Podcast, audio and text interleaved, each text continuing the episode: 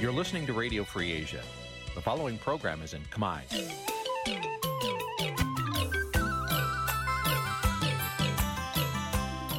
នេះជាកម្មវិធីផ្សាយ Vuthu Azizi Serai នេះជាកម្មវិធីផ្សាយរបស់ Vuthu Azizi Serai ជាភាសាខ្មែរ Vuthu Azizi Serai សូមស្វាគមន៍លោកអ្នកនាងទាំងអស់ពីរដ្ឋធានី Washington នៃសហរដ្ឋអាមេរិកចាប់ផ្សាយផ្ទាល់ពីរដ្ឋធានី Washington នាងខ្ញុំសុជីវីសូមជម្រាបសួរលោកអ្នកនាងដែលកំពុងស្ដាប់វិទ្យុអាស៊ីសេរីទាំងអស់ជាទីមេត្រីយើងខ្ញុំសូមជូនកម្មវិធីផ្សាយសម្រាប់យប់ថ្ងៃអាទិត្យ11កើតខែបោះឆ្នាំថោះបัญចស័កពុរសករាជ2567ចាដែលត្រូវនៅថ្ងៃទី21ខែមករាគ្រិស្តសករាជ2024ចាជាដំបូងនេះសូមអញ្ជើញលោកអ្នកនាង ស្ដាប់ព័ត៌មានប្រចាំថ្ងៃ ដែលមានមេតិការដូចតទៅ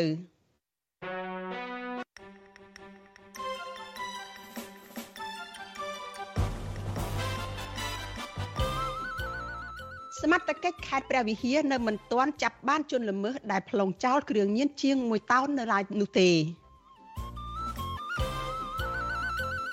ម្ចាស់ក្រុមហ៊ុនអង្គរ Plywood ដែលល្បីរឿងជួលកម្មករកាប់ឈើអះអាងថាព្រៃឈើធំៗនៅកម្ពុជាសល់មិនលើសពី15%ទេលោកថាច់សេដ្ឋារំពឹងថាសាលាឧទ្ធរភ្នំពេញនឹងជំរះក្តីលោកដោយយុត្តិធម៌នៅថ្ងៃស្អែក។ ជនរងគ្រោះពីកម្ចីអនឡាញស្នើឲ្យសមត្ថកិច្ចចាត់វិធានការច្បាប់ចំពោះកម្ចីអនឡាញខុសច្បាប់ឲ្យមានប្រសិទ្ធភាពរួមនឹងព័ត៌មានសំខាន់សំខាន់មួយចំនួនទៀតចាត់ជាបន្តទៅទៀតនេះនាងខ្ញុំសុជីវីសូមជូនព័ត៌មានទាំងនេះពិស្ដាចលនានាងជាទីមេត្រីម្ចាស់ក្រុមហ៊ុនអង្គរ Flywood ដែលល្បីរឿងរដ្ឋកម្មព្រៃឈើអះអាងថា ព្រៃឈើធំធំនៅកម្ពុជា នៅពេលនេះនៅសេសសល់មិនលើសពី15%ខណៈដែលព្រៃឈើនៅទូទាំងប្រទេស សល់ប្រមាណ35%តែប៉ុណ្ណោះសង្គមស៊ីវិលនិងសកម្មជនប្រៃឈើលើកឡើងថាក្រុមហ៊ុនអង្គរ Flywood របស់លោកជាពៅនេះដែលគឺជាក្រុមហ៊ុនដែលនៅពីក្រោយការកាប់បំផ្លាញព្រៃឈើច្រើនជាងគេនៅកម្ពុជា នៅរយៈពេលប្រមាណឆ្នាំចុងក្រោយនេះ ចាលោកនាងនឹងបានស្ដាប់សេចក្តីរាយការណ៍នេះពិស្ដានៅក្នុងការផ្សាយរបស់យើងនៅពេលបន្តិចទៀតនេះកម្មវិធី Vithu Azizi ស្រីសម្រាប់ទូរស័ព្ទដៃអាចឲ្យលោកអ្នកនាង អានអត្ថបទទស្សនាវីដេអូនិងស្ដាប់ការផ្សាយផ្ទាល់ដោយឥតគិតថ្លៃនិងដោយគ្មានការរំខានដើម្បីអាននិងទស្សនាមេតិការថ្មីថ្មីពី Vithu Azisari លោកអ្នកនាងគ្រាន់តែចុចបាល់កម្មវិធីរបស់ Vithu Azisari ដែលបានដំឡើងរួចរាល់លើទូរស័ព្ទដៃរបស់លោកអ្នកនាង។ប្រសិនបើលោកអ្នកនាងចង់ស្ដាប់ការផ្សាយផ្ទាល់ឬការផ្សាយចាស់ចាស់សូមចុចលើប៊ូតុងរូបវិទ្យុដែលស្ថិតនៅផ្នែកខាងក្រោមនៃកម្មវិធីជាការស្ដាយ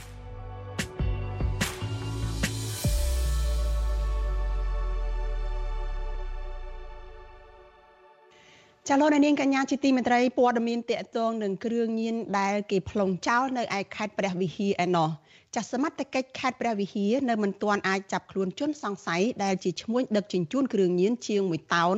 យកទៅប្លង់ចោលនៅក្នុងខេត្តនេះបាននៅឡើយទេចាស់កម្លាំងអាវុធហត្ថខេត្តព្រះវិហារម្នាក់ដែលថ្លែងសុំមិនបញ្ចេញឈ្មោះ ប្រាប់វិទ្យុអាស៊ីសេរីនៅមុនការផ្សាយនេះបន្តិចថាសមត្ថកិច្ចនឹងកងកម្លាំងខេត្តព្រះវិហារកំពុងសហការជាមួយនឹងកម្លាំងខេត្តស្ទឹងត្រែងដើម្បីស្រាវជ្រាវតាមចាប់ជនល្មើសមន្ត្រីរូបនោះបញ្ជាក់ថាគ្រឿងញៀនដែលកម្លាំងអាវុធហត្ថរកឃើញសរុបគឺមានចំនួន1020កញ្ចប់ឬស្មើនឹងទម្ងន់ជាង1តោនដែលឈ្មួញបានដឹកយកទៅប្លង់ចោលនៅក្នុងតំបន់ម្ដុំស្រុកសែនជ័យកាលពីយប់ថ្ងៃទី20ខែមករា ដែលពាក់ព័ន្ធករណីហ្នឹងកម្លាំងខ្ញុំកំពុងតែបន្តកិច្ចវិធីបងកំពុងតែស្រាវជ្រាវខាងជំនាញគឺគាត់ជិះរថយន្តណាគាត់ជិះរថយន្តល្បាតទៅប្រទេសឃើញរថយន្តហ្នឹងគាត់នៅក្នុងចោលហ្នឹង ចាគ្រឿងញៀនចំនួន1000តោននេះនៅក្នុងពេលបច្ចុប្បន្ននេះគឺត្រូវអាជ្ញាធររក្សាទុកនៅបញ្ជាការដ្ឋានកងរាជអាវុធហត្ថនៅក្នុងខេត្តព្រះវិហារចាក្រមយុវជននិងមន្ត្រីអង្គការសង្គមស៊ីវិលយល់ឃើញថាឈ្មួញដែលតែងតែដឹកជញ្ជូនគ្រឿងញៀនចូលកម្ពុជា បានរាប់រយតោនបែបនេះចាអាចនឹងមានការខុបខិតគ្នាជាប្រព័ន្ធជា ការប្រព្រឹត្តអំពើពុករលួយពួកគេជំរុញឲ្យសមត្ថកិច្ចខេត្តព្រះវិហារពន្យានីតិវិធីស្រាវជ្រាវដើម្បីស្វែងរកមេខ្លោងនិងឈ្មួញដឹកជញ្ជូនគ្រឿងញៀនឲ្យបានឆាប់ដើម្បីយកមកដាក់ទោសតាមច្បាប់ឲ្យបានធ្ងន់ធ្ងរ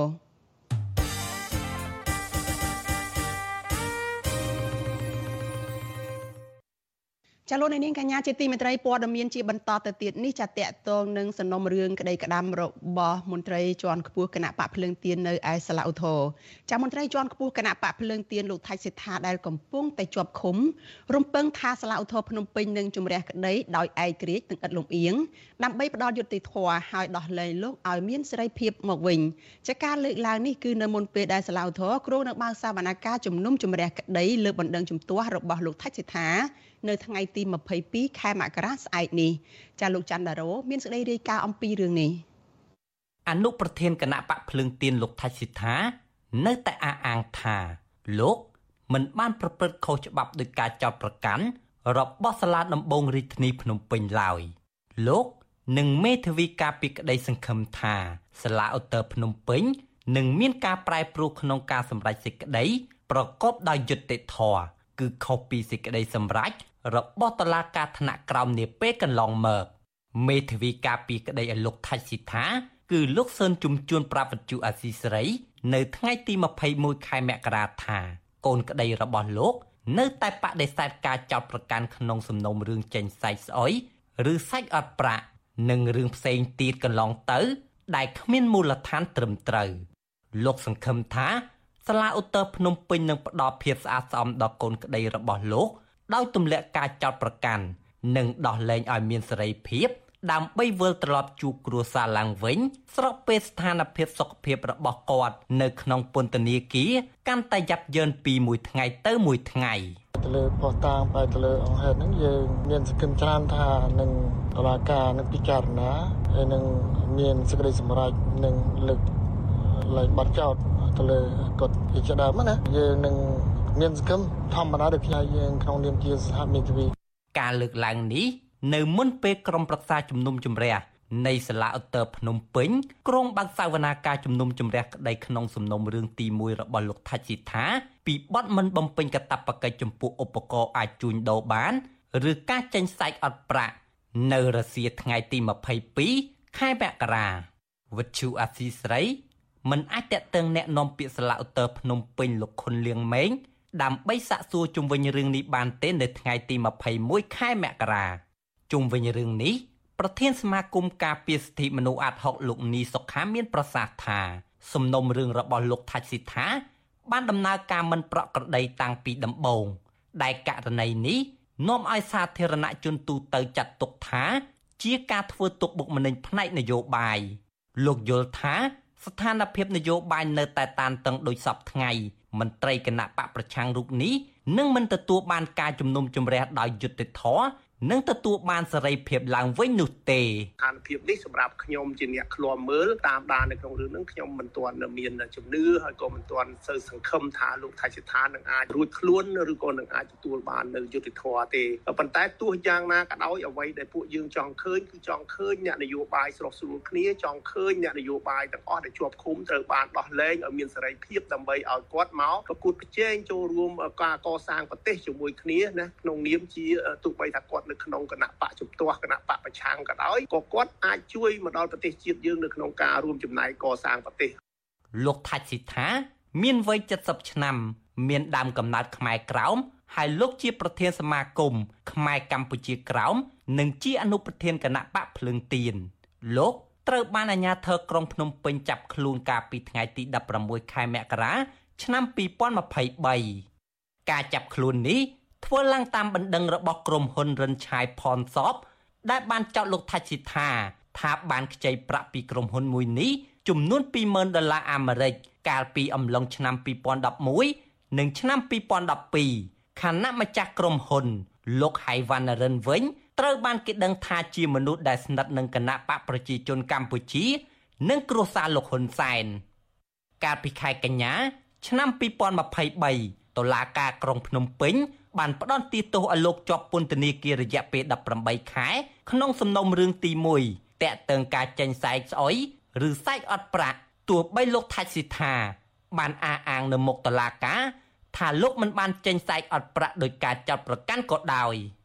បន្ថែមពីលើនេះមួយខែបន្ទាប់មកតុលាការដដែល បានផ្តន្ទាទោសលោកថាច់សិដ្ឋាដាក់ពន្ធនាគារ3ឆ្នាំបន្ថែមទៀតក្នុងសំណុំរឿងថ្មីពីរផ្សេងគ្នា គឺពីបទញុះញង់បង្កឲ្យមានភាពវឹកវរធ្ងន់ធ្ងរដល់សន្តិសុខសង្គមនិងញុះញង់ឲ្យមានការរើសអើងពូជសាសន៍តាក់ទងនឹងលោកនិយាយពីប្រវត្តិគណៈបកប្រជាជនកម្ពុជាស្តុបមិត្តភាពកម្ពុជាវៀតណាមនៅប្រវត្តិ7មករាក្នុងវេទិកាជាមួយអ្នកគាំទ្រនៅក្រៅប្រទេសកាលពីខែមករាឆ្នាំ2023ចំណែកសហគមន៍ជាតិនិងអន្តរជាតិទាមទារឲ្យរដ្ឋាភិបាលលោកហ៊ុនម៉ាណែត បញ្ឈប់ការធ្វើទុកបុកម្នេញគ្រប់ទម្រង់ជាបន្ទាន់និងអំពាវនាវឲ្យដោះលែងលោកថាច់សិដ្ឋានិងសកម្មជននយោបាយផ្សេងទៀតដោយឥតលក្ខខណ្ឌខ្ញុំបាទច័ន្ទដារោវុទ្ធុអាស៊ីសេរី ចាលោកនាងកញ្ញាជាទីមេត្រីចាតកតងនឹងគណៈបកឆន្ទៈខ្មែរនៅក្រៅពេលដែលមន្ត្រីរបស់គណៈបកភ្លើងទៀនមួយចំនួនបានទៅចូលរួមជាមួយនឹងគណៈបកនេះវិញម្ដង ចាយុវជនចង់ឃើញមេដឹកនាំថ្មីរបស់គណៈបកឆន្ទៈខ្មែរ ចេះបង្រួបបង្រួមជាតិនិងតម្កល់ផលប្រយោជន៍ជាតិជាធំដើម្បីស្ដារលទ្ធិប្រជាធិបតេយ្យឡើងវិញការលើកឡើងនេះគឺបន្ទាប់ពីគណៈបកឆន្ទៈខ្មែរបានធ្វើសមាជនិងបានសម្រេចតែងតាំងលោកបណ្ឌិតសុកហាជនិងមន្ត្រីជាន់ខ្ពស់គណៈបកភ្លើងទៀនមួយចំនួនទៀតឲ្យធ្វើជាក្បាលម៉ាស៊ីនដឹកនាំនៅគណៈបកនេះចាលោកមានរិទ្ធមានសេចក្តីរាយការណ៍អំពីរឿងនេះជូនលោកអ្នកនាងដូចតទៅ យុវជននិងអ្នកខ្លំមើលបញ្ហាសង្គមលើកឡើងថាការតែងតាំងបណ្ឌិតសុកហាជជាប្រធានគណៈបកឆន្ទៈខ្មែរគឺជារឿងល្អដើម្បីអាចចូលរួមបោះឆ្នោតជ្រើសតាំងសមាជិកព្រឹទ្ធសភានៅថ្ងៃទី25ខែកុម្ភៈខាងមុខអ្នកសិក្សាផ្នែកច្បាប់និងជាអ្នកតាមដានស្ថានភាពនយោបាយលោកលីច័ន្ទរាវុធប្រវិជ្ជាអស៊ីស្រីនៅថ្ងៃទី21ខែមករាថាលោកសាទរដែលលោកសុកហាជឡើងធ្វើជាប្រធានរបស់គណៈបច្ឆន្ទៈខ្មែរ ក៏ប៉ុន្តែលោកថាដើម្បីអាចទទួលបានការគ្រប់គ្រងច្រើនពីពលរដ្ឋនោះអ្នកនយោបាយគួរតែមានភាពចាស់ទុំក្នុងការដឹកនាំ លោករំពឹងថាក្បាលម៉ាស៊ីនដឹកនាំរបស់គណៈបច្ឆន្ទៈខ្មែរនឹងស្ដារលទ្ធិប្រជាធិបតេយ្យប្រសិនបើសមាជិកទាំងអស់រួបរวมគ្នាដូច្នេះបើសិនជាភាគីទាំងអស់មិនអាចស្វែងរកភាពត្រឹមត្រូវនៅក្នុងការតែងតាំងបេក្ខជនរបស់ខ្លួនឬក៏បែងចែកសម្លេងឬក៏មណ្ឌលចូលឈ្មោះឲ្យបានត្រឹមត្រូវទេខ្ញុំយល់ថាវាអាចជាចំណុចខ្សោយទៅវិញដែលធ្វើឲ្យសម្ព័ន្ធនឹងបែកបាក់នៅថ្ងៃអនាគតវិញហើយរឿងនេះយើងក៏ធ្លាប់ឃើញពីមុនមកដែរនៅក្នុងប្រវត្តិសាស្ត្រនយោបាយរបស់ប្រទេសកម្ពុជាដោយសម្ព័ន្ធភាពដែលបង្កើតឡើងហើយទីបំផុតទៅក៏រលាយទៅវិញដោយសារតែបញ្ហាផលប្រយោជន៍កាលពីថ្ងៃទី20ខែមករាគណៈបច្ឆន្ទៈខ្មែរបានធ្វើអង្គសមាជវិសាមញ្ញមួយនិងសម្រេចតែងតាំងថ្នាក់ដឹកនាំកម្ពុជាដែលភាកច្រើនមកពីគណៈបកភ្លើងទៀនរួមមានបណ្ឌិតសុកហាជជាប្រធានគណៈបកលោកហុងសុខួរលោកសុនឆៃលោកសេងម៉ារឌីជាអនុប្រធានគណៈបក និងលោកគង់មនីកាជាអគ្គលេខាបកជាដើមព្រមទាំងជ្រើសតាំងសមាជិកគណៈកម្មាធិការនយោបាយចំនួន32រូបនិងកែប្រែលក្ខន្តិកៈរបស់គណៈបកនេះមួយចំនួនដែរដោយឡែកប្រធានក្រុមប្រឹក្សាឃ្លាំមើលកម្ពុជា ដែលមានមូលដ្ឋាននៅប្រទេសណូវេលោកម៉ែណាតយល់ឃើញថាការជ្រើសរើសលោកសុកហាជធ្វើជាប្រធានគណៈបច្ឆន្ទៈខ្មែរនៅពេលនេះគឺជាការសម្រេចចិត្តរបស់សមាជិកបក លោករំពឹងថាគណៈបច្ឆន្ទៈខ្មែរនឹងតម្កល់ផលប្រយោជន៍ជាតិជាធំដែលងាកមកជជែកគ្នាជាមួយគណៈបកកម្លាំងជាតិដើម្បីបែងចែកកន្លែងគ្នាគ្រប់គ្រងគ្រួសារនិយមពុករលួយវំពៀនស្បោកគ្រប់បែបគ្រប់យ៉ាងអ្នកណាក៏រួមគ្រោះគ្រួសាររបបនឹងដែរហើយគេត្រូវការ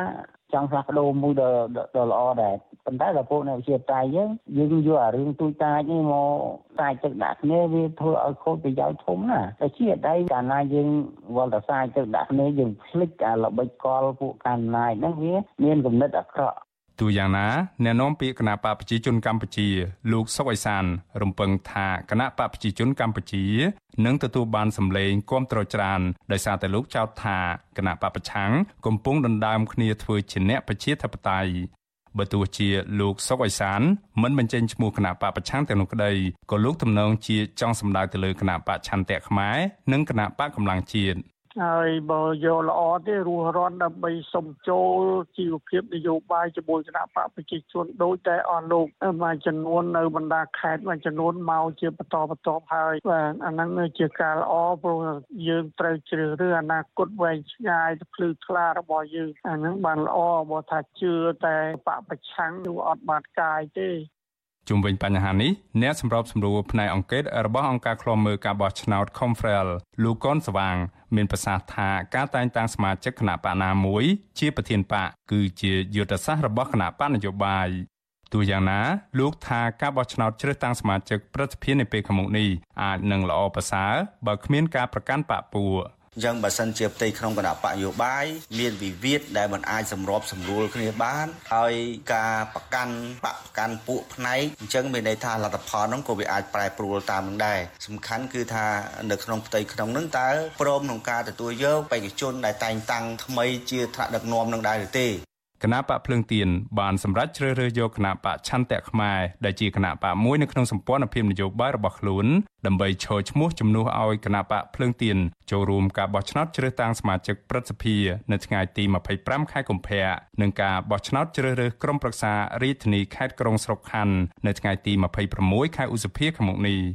ក្រុមអ្នកខ្លមើរំពឹងថាគណៈបច្ឆន្ទៈខ្មែរនឹងអាចធ្វើឲ្យមានការគោរពសិទ្ធិមនុស្សនិងបើកលំហសិទ្ធិសេរីភាពនយោបាយឡើងវិញប្រសិនបើគណៈបកនេះមានសម្លេងនៅក្នុងស្ថាប័នព្រឹទ្ធសភាខ្ញុំបានមេរិត Visual Asia ស្រីពីរដ្ឋធានី Washington អានឹងវាអស្ចារ្យអស្ចារ្យណាលើពិភពលោកនឹងមិនដែលមានប្រទេសណាទោះបីជាមហាអំណាចយ៉ាងណាក៏ដោយបកកែយ៉ាងណាក៏ដោយក៏មិនអាចប្រជាពលរដ្ឋ 99%មានការងារធ្វើនោះដែរបាទហើយទន្ទឹមហ្នឹងពលរដ្ឋមួយចំនួនក៏លើសូសម្ដីហ្នឹងគេបង្ហាញរូបភាពវីដេអូអឺពលរដ្ឋតាមព្រំដែនឆ្លងទៅធ្វើការថៃខ្លះពូននៅក្រុងបាវត្រូវខ្លះក្នុងពូននៅក្នុងកែខ្លះពូននៅកាប៊ីនឡានកង្ក្រោមអីហ្នឹងដែលធ្វើថៃចេញបាចេញមកលូនឲ្យរកើមចេញមកហ្នឹងគឺថាទៅខុសច្បាប់ទៅត្រូវច្បាប់ហ្នឹងគឺទៅរកការងារធ្វើដើម្បីចិញ្ចឹមកាពះដើម្បីចិញ្ចឹមកូនចៅហើយនឹងរកប្រាក់ដោះ បំណុលធនាគារដែលជាពាក់វ៉ាន់កនេះនៅប្រទេសថៃនោះបែកកូនបែកចៅនោះហ្នឹង99%តែគាត់ចង់និយាយថារឿងនេះខ្ញុំដែរអញ្ចឹងរដ្ឋមន្ត្រីលេខ99បាទលេខ99រដ្ឋមន្ត្រីលេខ99ហើយនឹងរដ្ឋមន្ត្រីចិញ្ចឹមជើងកាងចិញ្ចឹមជើងកាង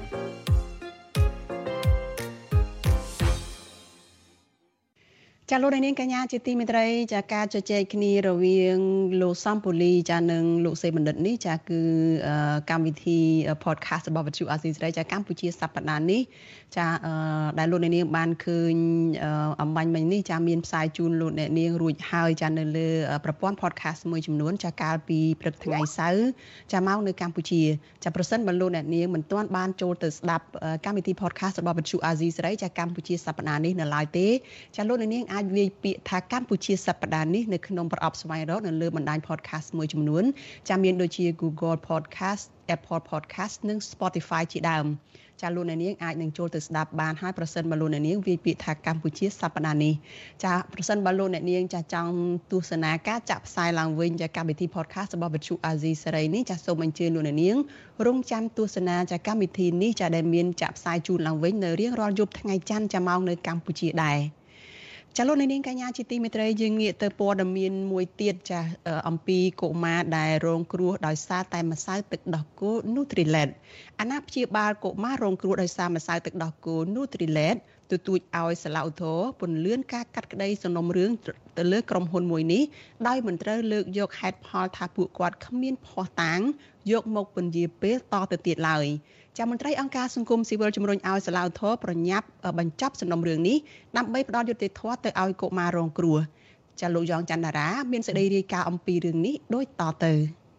អាណាព្យាបាលកុមាររងគ្រោះដោយសារម្សៅទឹកដោះគោ Nutrilett ប្រាប់ថាពួកគាត់មិនទាន់ទទួលបានដីកាកោះហៅពីសាឡាវធរដើម្បីរកយុត្តិធម៌ឲ្យកូនរបស់ពួកគាត់នៅឡើយទេ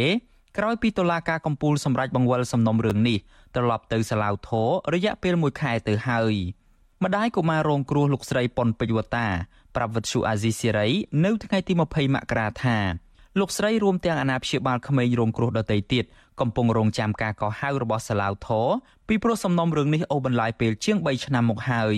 លោកស្រីបន្តថាប្រសិនបើសាឡាវធរនៅតែពន្យាពេលបន្តទៀតនោះនឹងធ្វើឲ្យលោកស្រីកាន់តែខកចិត្តនិងអស់ជំនឿលើប្រព័ន្ធច្បាប់នៅកម្ពុជា សំណូមពរឲ្យពួកគាត់ក៏ហៅលឿនលឿនហើយខ្ញុំសូមសំណូមពរមួយទៀតនៅពេលដែលក៏ហៅហើយបើសិនជាខាងក្រុមហ៊ុនមិនចូលក៏យើងត្រូវការកាត់ដីភ្លាមៗដែរកុំចាំដល់អត់ចង់ឲ្យថាខ្ញុំអត់ចង់ឲ្យប្រើលេសព្រោះលេសហ្នឹងយើងប្រើតាំងពីសាលាដំបូងមកលេសដែលគាត់ថាអូគាត់ឈឺមានលិខិតពេទ្យគាត់រវល់គាត់ដូរមេធាវីគាត់ឈឺគាត់អីហ្នឹងគឺតដែរតដែរយើងត្រូវពជាពេលរហូតដូចថាយើងឧតត្រូវកាត់ថ្ងៃហ្នឹងហើយលើហ្នឹងគាត់អត់មកយើងត្រូវលើកទៅលើកម្ដងទៀតអញ្ចឹងគាត់តកហៅទៀតពី3 4ខែទៀតបន្តកហៅទៀតអញ្ចឹងវាខាត់ពេលពួកខ្ញុំខ្លាំង កាលពីថ្ងៃទី21ខែធ្នូឆ្នាំ2023តុលាការកំពូលដែលមានប្រធានចៅក្រមជំនុំជម្រះគឺលោកគង់ស្រីមបានប្រកាសសាលដីកាដោយសម្រេចបង្វិលសំណុំរឿងក្រុមហ៊ុនម្សៅទឹកដោះគោ Nutrilett ត្រឡប់ទៅសាឡាវថូវិញដើម្បីរកភ័ស្តុតាងបន្ថែមក៏ប៉ុន្តែអាណាព្យាបាលកុមាររងគ្រោះមិនពេញចិត្តចំពោះការសម្រេចនេះឡើយពីព្រោះឆ្លងកាត់សវនាការជាច្រើនលើកមកនេះពួកគាត់បានបង្ហាញភ័ស្តុតាងរឹងមាំនិងសម្បូរបែប ទាំងឯកសារផ្លូវច្បាប់និងលទ្ធផលធ្វើតេស្តពីមន្ទីរពិសោធន៍និងអគ្គនាយកដ្ឋានការពារអ្នកប្រើប្រាស់កិច្ចការប្រកួតប្រជែងនិងបង្ក្រាបការក្លែងបន្លំគណៈភាគីក្រុមហ៊ុនវិញធ្លាប់ទទួលស្គាល់ថាផលិតផលរបស់ខ្លួនគ្មានគុណភាពនិងបានធ្វើឲ្យប៉ះពាល់ដល់កុមារពិតប្រាកដមែនវិទ្យុអាស៊ីសេរីមិនអាចសុំការបំភ្លឺរឿងនេះពីអ្នកនាំពាក្យសាឡាវថោភ្នំពេញលោកខុនមេងលៀងនិងតំណាងក្រុមហ៊ុនម្សៅទឹកដោះគោ Nutrilett ដើម្បីសុំការបកស្រាយបានទេនៅថ្ងៃទី20ខែមករាជុំវិញរឿងនេះនាយកទទួលបន្ទុកកិច្ចការទូតនៃអង្គការសិទ្ធិមនុស្សលីកាដូលោកអំសំអាតជំរុញឲ្យសាឡាវថោពន្លឿននីតិវិធីឲ្យក្រុមគ្រួសារកុមាររងគ្រោះពីព្រោះសំណុំរឿងនេះធ្លាប់ឆ្លងកាត់សាឡាវថោម្ដងរួចមកហើយខណៈអាណាព្យាបាលរបស់កុមារបានបង្ហាញភស្តុតាងរឿងមាំជាច្រើនលើកផងដែរ។ ឡាតត្រូវតែពន្យល់នីតិវិធីដើម្បីធ្វើយ៉ាងណាដើម្បីកុំឲ្យមានការអូសបន្លាយពេលវេលាយូរទៅទៀតចំពោះការរងចាំយុទ្ធធរដោយប្រទេសខ្សែរបស់ក្រុមគ្រួសារនៃកម្ពុជារងគ្រោះហើយដែលមានការផលប៉ះពាល់ច្រើនសម្រាប់កុមារដែលរងគ្រោះនឹងហើយគាត់ចំណាយពេលវេលាជាច្រើនយកមកហើយដោយសារតែរឿងក្តីនឹងបាទកាលពីដើមខែធ្នូឆ្នាំ2020អាណាព្យាបាលទីរករងគ្រោះដោយសារម្សៅទឹកដោះគោ Nutrilett ចំនួន21គ្រួសារ បានដាក់ពាក្យបណ្ដឹងទៅសាលាដំបងរាជធានីភ្នំពេញប្តឹងក្រុមហ៊ុន Nutrilett Master LM ដោយអះអាងថាក្រុមហ៊ុនមួយនេះផ្សព្វផ្សាយពាណិជ្ជកម្មភូតកុហកក្លែងបន្លំលក់ម្សៅទឹកដោះគោគ្មានគុណភាពបណ្ដាលឲ្យកូនកូនរបស់ពួកគាត់ទទួលទានហើយមានសភាពស្លេកស្លាំងស្ពឹកស្រពន់និងមានជំងឺខ្វះគ្រាប់ឈាមក្រហម ខ្វះជាតិដែកនិងជាតិសង្កសីរហូតដល់ធ្លាក់ខ្លួនឈឺធ្ងន់ធ្ងរ អាណាព្យាបាលកុមាររងគ្រោះស្នើឲ្យសាឡាវធរបើកសវនកម្មឲ្យបានឆាប់រហ័សនិងប្រកបដោយភាពយុត្តិធម៌ពីព្រោះការសម្រេចរបស់តុលាការកំពូល បានធ្វើឲ្យពួកគាត់កាន់តែឈឺចាប់និងពិបាកទទួលយកដោយសារតែកូនរបស់ពួកគាត់ត្រូវរងគ្រោះហើយចំណែកពួកគាត់បានឡើងទៅបំភ្លឺនៅតុលាការជាច្រើនឆ្នាំក៏ប៉ុន្តែជាចុងក្រោយបែរជាតុលាការកំពូលសម្រេចបង្វិលសំណុំរឿងនេះថយក្រោយទៅវិញខ្ញុំយ៉ងច័ន្ទដារាវិទ្យុអាស៊ីសេរី Washington ចាលោកនាងកញ្ញាប្រិយមិត្តជាទីមេត្រីចាវិទ្យុអាស៊ីសេរីបានទទួលសំណុំពរច្រើនណាស់ចាប់ពីលោកអ្នកស្ដាប់ដោយថាកុំឲ្យយើងនឹងដាក់ចំណងជើងឲ្យខុសឬក៏ផ្ទុយពីខ្លឹមសារនៃព័ត៌មានចាឧទាហរណ៍ដូចជាការដាក់ចំណងជើងថា Vivo ហើយលោកហ៊ុនសែនត្រូវតុលាការព្រហ្មទណ្ឌអន្តរជាតិ ICC យកទៅកាត់ទោសជាដើមក៏ប៉ុន្តែនៅពេលដែលចុចចូលទៅស្ដាប់ឬក៏ចូលទៅមើលនោះគឺមិនលើកនិយាយអំពីរឿងនេះសោះ ចាយើងខ្ញុំសូមជម្រាបជូនថាការដាក់ចំណងជើងឲ្យផ្ទុយពីខ្លឹមសារនៃព័ត៌មានទាំងនេះគឺជាការឆបោករបស់ក្រុមអ្នករកស៊ីតាម YouTube ចាដើម្បីតែរកលុយប៉ុណ្ណោះពួកគេលួចយកខ្លឹមសារនៃការផ្សាយរបស់វិទ្យុអាស៊ីសេរីទៅកាត់តរួចហើយបដូរចំណងជើងតាមរបៀបប្លែកប្លែកហួហេតុខុសពីការពិតនៅក្នុងគោលបំណងតាក់ទាញចិត្តលោកអ្នកនាងកញ្ញាឲ្យទៅចុចស្ដាប់ឬទស្សនាដើម្បីបាន view ឬក៏បានអ្នកទស្សនាច្រើនចាស់មានអ្នកចុចស្ដាប់កាន់តែច្រើនពួកគេក៏អាចបោកប្រាស់រកប្រាក់បានច្រើនដែរ ចាវិទ្យុអាស៊ីសេរីមិនដែលដាក់ចំណងជើងឲ្យខុសពីខ្លឹមសារទេចាលោកនាងកញ្ញាអាចចូលរួមទប់ស្កាត់ការបោកប្រាស់តាមអនឡាញទាំងនេះបានដោយលោកអ្នកនាងឈប់ចូលទៅចុចស្ដាប់ឬទស្សនារាល់ការផ្សាយណាដែលដាក់ចំណងជើងខុសប្លែកគួរឲ្យសង្ស័យទាំងនោះជាពិសេសទៅទៀត ដើម្បីបានស្ដាប់ព័ត៌មានពិតឬក៏ការផ្សាយពិតរបស់វិទ្យុអាស៊ីសេរីចាសសូមអញ្ជើញលោកអ្នកនាងចូលទៅកាន់ Channel របស់វិទ្យុអាស៊ីសេរីដែលក្នុងនោះមានអាសយដ្ឋាន www.youtube.com/rfa ខ្មែរ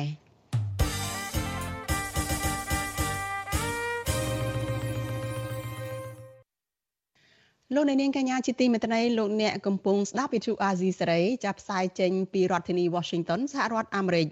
ម្ចាស់ក្រុមហ៊ុនអង្គរ Flywood ដែលល្បីរឿងរដ្ឋកម្មព្រៃឈើអះអាងថាព្រៃឈើធំធំនៅកម្ពុជា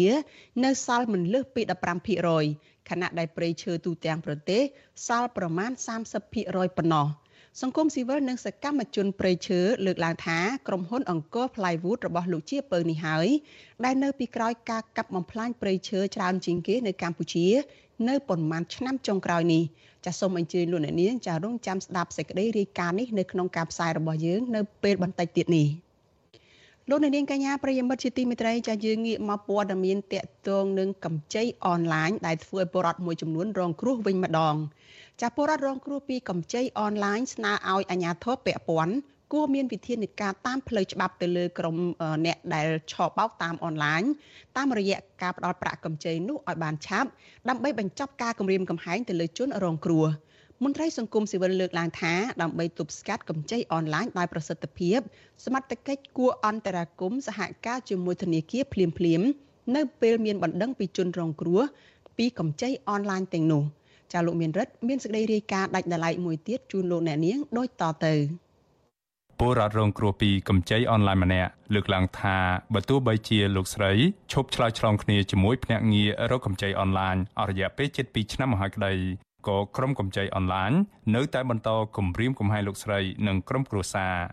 ជនរងគ្រោះកម្ចីអនឡាញនៅក្នុងរាជធានីភ្នំពេញម្នាក់គឺលោកស្រីអុកផាងសុផាណែតប្រាប់វិសុវអាស៊ីសេរីនៅថ្ងៃទី21ខែមករាថាលោកស្រីបានចាញ់បោកប្រាក់កម្ចីអនឡាញជាង20,000ដុល្លារកាលពីដើមឆ្នាំ2022ដោយចាប់ផ្ដើមខ្ចីប្រាក់ដំបូង50ដុល្លារជាមួយនឹងការចងប្រាក់15ដុល្លារក្នុងមួយសប្តាហ៍ លោកស្រីបន្តថាបើទោះបីជាលោកស្រីបានដាក់ពាក្យបណ្ដឹងទៅស្នងការនគរបាលខណ្ឌអង្ការរួចហើយតាំងពីខែឧសភាឆ្នាំ2022យ៉ាងណាក្តីក៏សមត្ថកិច្ចនៅមិនទាន់មានវិធានការផ្លូវច្បាប់ទៅលើក្រុមបោកប្រាស់កម្ចីអនឡាញដែលនៅតែបន្តគំរាមកំហែងនិងទាមទារឲ្យលោកស្រីបន្តផ្ទេរលុយទៅឲ្យពួកគេទៀតនោះទេភាគច្រើនគឺគាត់ឲ្យយើងដាក់ ABA ហើយវិញនឹងឯងបងពួក ABA មានលេខឈ្មោះមានអីអញ្ចឹងពួកបង្កើត ABA មានតញ្ញត្តិប័ណ្ណមានអីអញ្ចឹងគាត់គួរតែស្រាវជ្រាវចាប់ ប្រថាតើទីតាំងនៅណាអីណាដើម្បីឲ្យគាត់ចាត់ចែងតាមផ្លូវច្បាប់អញ្ចឹងបងព្រោះភាគរយការប្រាក់ហ្នឹងវាខុសពីផ្លូវច្បាប់ទាំងស្រុងតែម្ដងវិសុវស៊ីស្រីមិនអាចតតនយោគឋានប្រឆាំងបលល្មើសបច្ចេកវិទ្យាដើម្បីបកស្រាយជុំវិញបញ្ហានេះបាននៅឡើយទេនៅថ្ងៃទី21ខែមករា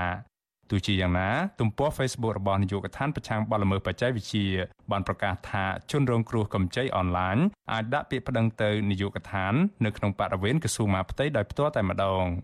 ក្រុមផ្ដល់ប្រាក់កម្ចីអនឡាញបានផ្ដល់លក្ខខណ្ឌងាយស្រួលនៅពេលផ្ដល់ប្រាក់កម្ចី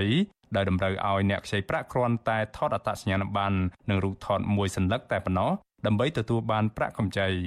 បន្ទាប់ពីទទួលបានប្រាក់កម្ចីលើកទី1ហើយជនរងគ្រោះនឹងងាយស្រួលនៅក្នុងការទទួលបានប្រាក់កម្ចីអនឡាញផ្សេងផ្សេងទៀតដែលជាបណ្ដាញរបស់ក្រុមកម្ចីអនឡាញដែលមិនតម្រូវឲ្យបំពេញឯកសារអ្វីទៀតនោះទេ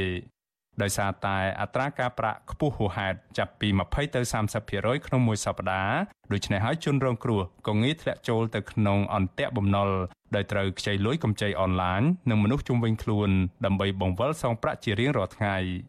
លោកស្រីអុកផាងសុផាណែតលើកឡើងថានៅពេលមិនមានលុយសងគ្រប់ចំនួនតាមពេលវេលាកំណត់ភ្នាក់ងារកម្ចីអនឡាញតែងទូរស័ព្ទឬផ្ញើសារពាក្យអសុរោះនិងគម្រាមសម្រាប់លោកស្រីនិងគ្រួសារទៀតផង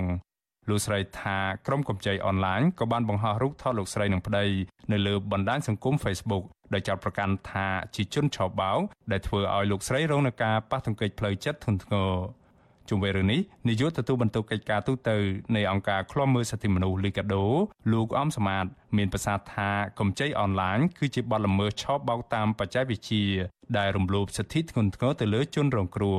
លោកបន្តថាដើម្បីទប់ស្កាត់ការឆោបបោកតាមបែបកម្ចីអនឡាញឲ្យមានប្រសិទ្ធភាពអាជ្ញាធរពាក់ព័ន្ធគួរអន្តរាគមន៍ជួយជនរងគ្រោះភ្លាមៗតាមរយៈការសហការជាមួយធនាគារដែលផ្ទេរលុយទៅវិញទៅមកយើងឃើញនគរបាលក៏យើងមាននាយកដ្ឋានប្រឆាំងបទល្មើសចែកជារបស់ក្រសួងការផ្ទៃដើម្បីជួយទៅលើបញ្ហាទាំងអស់ហ្នឹងដែរ អញ្ចឹងនៅពេលដែលទទួលបណ្ដឹងរបស់ជាប្រវត្តិត្រូវតែមានចំណាត់ការតាមផ្លូវច្បាប់ទៅដូចជារឿង account ABA ឬក៏ account ធនាគារផ្សេងផ្សេងបើរកទៅឃើញអានឹងសូមគេបិទឬក៏ផ្អាកបដោះតន់ដើម្បីចាត់វិធានការទៅលើរឿងនឹងបានដែរក្រៅពីប្រឈមនឹងវិបត្តិហិរញ្ញវត្ថុហើយនោះ ជនរងគ្រោះពីកម្ចីអនឡាញភ ieck ច្រើនក៏តែងតែរងនឹងការប៉ះទង្គិចផ្លូវចិត្តធ្ងន់ធ្ងរដោយសារតែភ្នាក់ងារកម្ចីអនឡាញតែងទូរស័ព្ទទៅសាច់ញាតិនិងក្រុមគ្រួសាររបស់ជនរងគ្រោះឲ្យជួយសងលុយដោយលើកហេតុផលថាជនរងគ្រោះបានដាក់ឈ្មោះអ្នកទាំងនោះជាអ្នកធានាសងជនរងគ្រោះលើកឡើងថាបើទោះបីជាមានអ្នកសងប្រាក់ជំពាក់រួចហើយទាំងអស់ក្តីក៏ក្រុមកម្ចីអនឡាញនឹងមិនបញ្ឈប់ការទាមទារឲ្យសងប្រាក់នោះឡើយ ដូច្នេះហើយដើម្បីដោះស្រាយបញ្ហានេះអ្នកខ្ចីប្រាក់អនឡាញត្រូវបញ្ឈប់ការសងប្រាក់ជាបន្ទាន់និងត្រូវដាក់ពាក្យប្តឹងទៅសមាជិកឬនាយកដ្ឋានបទល្មើសបច្ចេកវិទ្យាដើម្បីសុំអន្តរាគមន៍ខ្ញុំបានមេរិត Visual Asia ស្រីពីរដ្ឋធានី Washington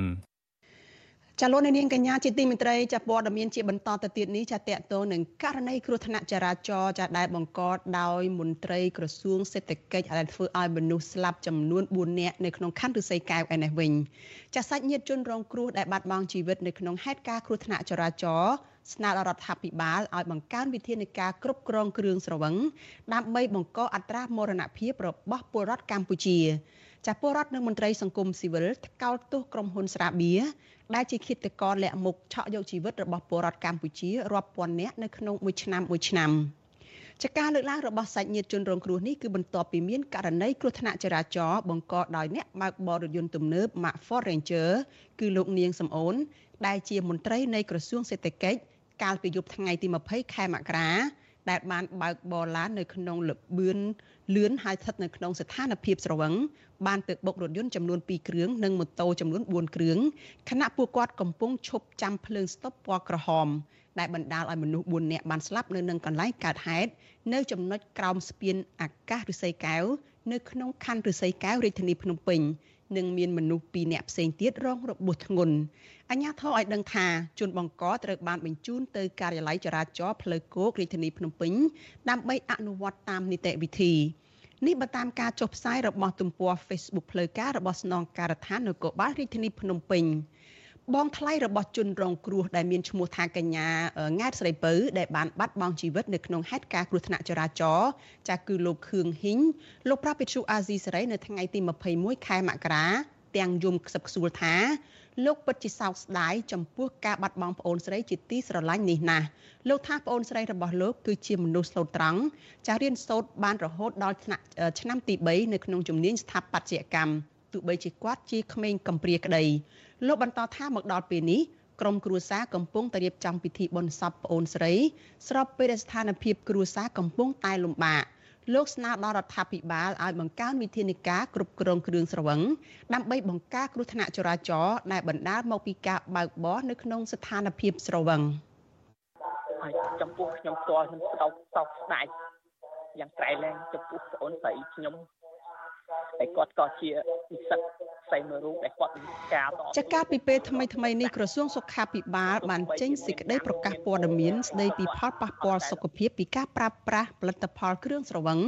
ដែលបង្ហាញពីផលប៉ះពាល់ធ្ងន់ធ្ងរចំពោះសុខភាព និងស្នើដល់ស្ថាប័នផ្សេងទៀតឲ្យចូលរួមទប់ស្កាត់ការប្រើប្រាស់ផលិតផលគ្រឿងស្រវឹងតាមរយៈការរៀបចំឯកសារច្បាប់នានា មួយវិញទៀតក្រសួងព័ត៌មានក៏បានចេញលិខិតស្តីពីការផ្សព្វផ្សាយពាណិជ្ជកម្មផលិតផលគ្រឿងស្រវឹងថាដើម្បីទប់ស្កាត់ការផ្សព្វផ្សាយការលើកទឹកចិត្តការអូសទាញពលរដ្ឋឲ្យប្រើប្រាស់គ្រឿងស្រវឹងផងដែរវិទ្យុអាស៊ីសេរីនៅមិនទាន់អាចតាក់ទងប្រធានអង្គភិបអ្នកនាំពាក្យរដ្ឋាភិបាលលោកប៉ែនបូណានិងអ្នកនាំពាក្យក្រសួងព័ត៌មានលោកទេពអាសនារិទ្ធដើម្បីសូមការឆ្លើយតបបញ្ហានេះបាននៅឡើយទេនៅថ្ងៃទី21ខែមករា ក្រោយពីមានហេតុការណ៍គ្រោះថ្នាក់ចរាចរណ៍ឆក់យកជីវិតមនុស្សកើនឡើងចាស់ពលរដ្ឋអ្នកប្រើប្រាស់បណ្ដាញសង្គមជាច្រើនបានបញ្ចេញមតិរិះគន់និងថ្កោលទោសចំពោះក្រុមហ៊ុនស្រាបៀរដែលពួកគេហៅថាជាអ្នកសម្លាប់ពលរដ្ឋកម្ពុជារាប់រយនាក់នៅក្នុងមួយឆ្នាំ។ អ្នកប្រើប្រាស់បណ្ដាញសង្គមម្នាក់គឺសវណ្ណសុកបានបង្ហោះសំណេរភ្ជាប់ជាមួយនឹងរូបភាពផ្សព្វផ្សាយស្រាបៀរហួហេតុដែលបណ្ដាលឲ្យជនរងគ្រោះស្លាប់នៅក្នុងថ្លុកឈាមនៅលើ Facebook របស់លោកថានៅក្រៅការផ្សព្វផ្សាយស្រាបៀរគឺមានឈាមជនរងគ្រោះជាច្រើនអ្នកនិងទឹកភ្នែកសាច់ញាតិដែលបានបាត់បង់សមាជិកគ្រួសារដោយសារអ្នកបើកបរនៅក្នុងស្ថានភាពស្រវឹងលោកបន្តថាការសប្បាយរបស់អ្នកមួយរយៈពេលធ្វើឲ្យគ្រួសាររបស់អ្នកដទៃមាន ចាំមានវិបដិសារីមួយជីវិតលោកបន្ថែមថាក្រុមហ៊ុនស្រាបៀរមួយចំនួនបានផ្សព្វផ្សាយថាក្រុមហ៊ុនស្រាបៀររបស់ខ្លួនជាមោទនភាពជាតិប៉ុន្តែតាមការពិត គឺជាមរណភាពជាតិទៅវិញទេ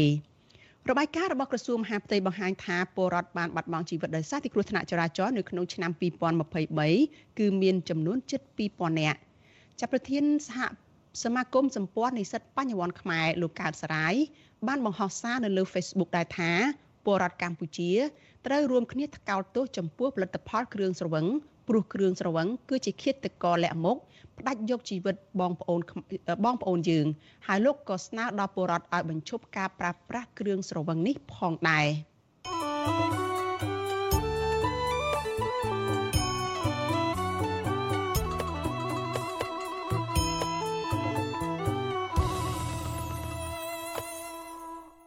ចាលោកនាងកញ្ញាជាទីមេត្រីចាយើងចូលមកដល់ព័ត៌មានតកតងនឹងធនធានព្រៃឈើនៅកម្ពុជាចាំម្ចាស់ក្រុមហ៊ុនអង្គរ Plywood ដែលល្បីរឿងអ ுக ្រិតកម្មព្រៃឈើអះអាងថាព្រៃឈើធំធំនៅកម្ពុជានៅមិននៅសល់មិនលើសពី15%ខណៈព្រៃឈើនៅទូទាំងប្រទេសសល់ប្រមាណ35%ប៉ុណ្ណោះ សង្គមស៊ីវិលនិងសកម្មជនការពារព្រៃឈើលើកឡើងថាក្រុមហ៊ុនអង្គរ Plywood របស់លោកជាពៅនេះហើយដែលជាអ្នកនៅពីក្រោយការកាប់បំផ្លាញព្រៃឈើច្រើនជាងគេនៅកម្ពុជានៅរយៈពេលប្រមាណឆ្នាំចុងក្រោយនេះចាកញ្ញាខណ្ឌលក្ខណារាយការណ៍អំពីរឿងនេះក្នុងបទសម្ភាសជាមួយបណ្ដាញសារព័ត៌មានដែលស្និទ្ធនឹងរដ្ឋាភិបាល Fresh News នៅថ្ងៃទី21មករាម្ចាស់ក្រុមហ៊ុនអង្គរ Plywood ដែលល្បីល្បាញរឿងអ ுக ្រិតកម្មបំផ្លាញព្រៃឈើ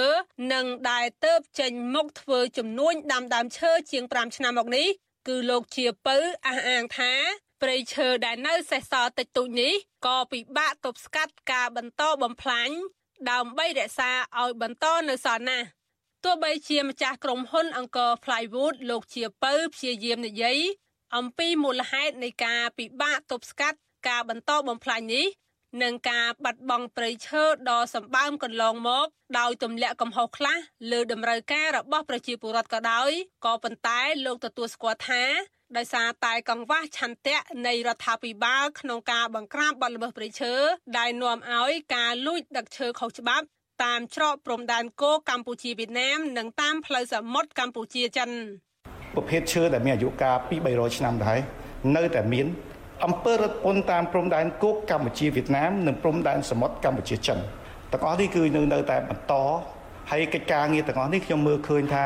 ព្រោះនេះគឺជាភាពឆក់ល្វែងក្នុងការគ្រប់គ្រងសមត្ថកិច្ចក៏មិនងាយក្នុងការទប់ស្កាត់ប៉ុន្តែកិច្ចការងារទាំងអស់នេះបើសិនជាយើងមានឆន្ទៈក្នុងការធ្វើយើងអាចទទួលបានព័ត៌មានគ្រប់ជ្រុងជ្រោយសមាជិកបណ្ដាញសហគមន៍ព្រៃឡង់ខេត្តព្រះវិហារលោកស្រីថៃប្រាវិសុអស៊ីសេរីនៅថ្ងៃទី21មករាថា ប្រជាពលរដ្ឋក្រីក្រមានកំហុសតិចតួចណាស់ក្នុងការកាប់ឈើទន្ទ្រានយកដី ហើយប្រសិនបើការបាត់បង់ព្រៃឈើព្រោះតែតម្រូវការប្រជាពលរដ្ឋពេលនេះប្រជាពលរដ្ឋទូទាំងប្រទេសមានផ្ទះល្អល្អគ្រប់គ្រួសារទៅហើយលោកបន្ថែមថាគឺក្រុមហ៊ុនអង្គរ Plywood របស់លោកជាពឹងនេះហើយដែលនៅពីក្រោយការកាប់បំផ្លាញព្រៃឈើច្រើនជាងគេទើបដឹងច្បាស់ពីទំហំនៃការបាត់បង់ព្រៃឈើច្បាស់ជាងគេ ហេតុអីបានគាត់បាយតម្លៃថាឈើនៅសល់តែ15%បានគាត់ដឹងពីណាមកបានគាត់បាយតម្លៃចុះមានន័យថាគាត់ឲ្យអ្នកបំផ្លាញនឹមឈើចេញដែលធ្វើមិនចេះឈប់មិនចេះឈរនេះបើជាប់ប្រកាន់លើប្រជាពលរដ្ឋខ្ញុំទូទៅខ្ញុំថាអត់ទទួលយកគាត់ទៅបានទេភាសានោះអត់អត់អត់បានទេខ្ញុំមើលដោយស្ថាតែមានក្រុមហ៊ុននៅពីក្រោយនោះហើយបានជាអាឈើនឹមចេញចិត្តតែមានណាក្នុងឆ្នាំ2019ទីភ្នាក់ងារសហរដ្ឋអាមេរិកសម្រាប់កិច្ចអភិវឌ្ឍអន្តរជាតិ USAID និងប្រតិភូសហភាពអឺរ៉ុបប្រចាំកម្ពុជា បានចោទប្រកាន់ក្រុមហ៊ុនអង្គរ Plywood ពាក់ព័ន្ធនឹងការកែច្នៃឈើខុសច្បាប់ដោយខុសខិតគ្នាជាមួយក្រុមហ៊ុន Synbiotic ដែលបានកាប់ឈើខុសច្បាប់នៅក្នុងតំបន់ព្រៃឡង់រីឯរបាយការណ៍56ទំព័ររបស់អង្គការគំនិតប្រួយផ្ដើមសកលប្រឆាំងអ ுக ្រិតកម្មឆ្លងដែនដែលមានអង្គការចាត់តាំងចេញផ្សាយកាលពីខែមិនិនាឆ្នាំ2021រកឃើញថា កម្ពុជាបាត់បង់គម្របព្រៃឈើកន្លះលានហិកតាក្នុងរយៈពេលជាង10ឆ្នាំហើយរបាយការណ៍នេះក៏បានបញ្ចេញឈ្មោះក្រុមហ៊ុន Symbiotic និងក្រុមហ៊ុនអង្គរ Plywood ក្នុងចំណោមក្រុមហ៊ុនល្បីល្បាញកាប់ឈើច្រើនជាងគេផ្សេងទៀតជាអ្នកប្រព្រឹត្តឧក្រិដ្ឋកម្មព្រៃឈើផងនិងក្នុងរយៈពេលចុងក្រោយคล้ายជាអ្នករកស៊ីដាំដើមឈើផង លោកជាពៅបានបញ្យល់ថា ការបាត់បង់ព្រៃឈើនឹងបង្កហានិភ័យច្រើន ដូចជាប៉ះពាល់បរិស្ថាននិងនាំគ្រោះមហន្តរាយដល់ប្រជាពលរដ្ឋជាដើមហើយការបាត់បង់ព្រៃឈើទាំងទៀតសោតបានន័យថាធ្វើឲ្យដីយើងខ្វះជីជាតិទលេបឹងបួរយើងនេះរីស្ងួតដោយសារតែអត់មានអីវាទប់ទៅនឹងពេលដែលមេឃភ្លៀងចេញមកព្រោះយើងកាប់អស់ទៅអញ្ចឹងអាខ្សាច់អាដីនេះវាហូរចូលបឹងទៅវារាំងស្ងួតហើយការបាត់បង់ព្រៃឈើនេះទៀតសោតផ្ដល់នៅគ្រោះមហន្តរាយនានាជាពិសេសគឺទឹកជំនន់ តែអ្នកដែលរងគ្រោះដោយសារបញ្ហានៃគ្រោះមហន្តរាយនេះគឺប្រជាពលរដ្ឋវត្តជាអាស៊ីសេរីមិនអាចសុំការអធិប្បាយបញ្ហានេះពីអ្នកនាំពាក្យក្រសួងបរិស្ថានលោកផៃប៊ុនឈឿនបានទេ នៅថ្ងៃទី21មករាដោយលោកប្រាប់ថាជាប់រវល់បើកឡានទោះជាយ៉ាងណាមន្ត្រីសម្របសម្រួលគម្រោងនៃសមាគមបណ្ដាញយុវជនកម្ពុជាលោកអូឡាទីនប្រាប់វិសុអស៊ីសេរីថា ដើមចោមដែលនាំឲ្យបាត់បង់ព្រៃឈើមិនមែនដោយសារតែពលរដ្ឋតូចតាចទេប៉ុន្តែព្រោះតែរដ្ឋាភិបាលបើកឲ្យក្រុមហ៊ុននាំឈើធ្វើប្រតិបត្តិអាជីវកម្មទូលំទូលាយពេករួមទាំងបើកសិទ្ធឲ្យក្រុមហ៊ុនឯកជនខ្លះឈូសឆាយព្រៃពាក់ព័ន្ធនឹងអំពើពុករលួយ និងកំសោយនៃការអនុវត្តច្បាប់ ការកាប់ឈើនឹងមានបញ្ហាប្រឈមនឹងអ្នកណាអ្នកណាក៏ដឹងដែរអ្នកណាអ្នកណាក៏អាចនិយាយបានដែរប៉ុន្តែអ្នកជួនកាលអ្នកដែលនិយាយថាកាប់ឈើនឹង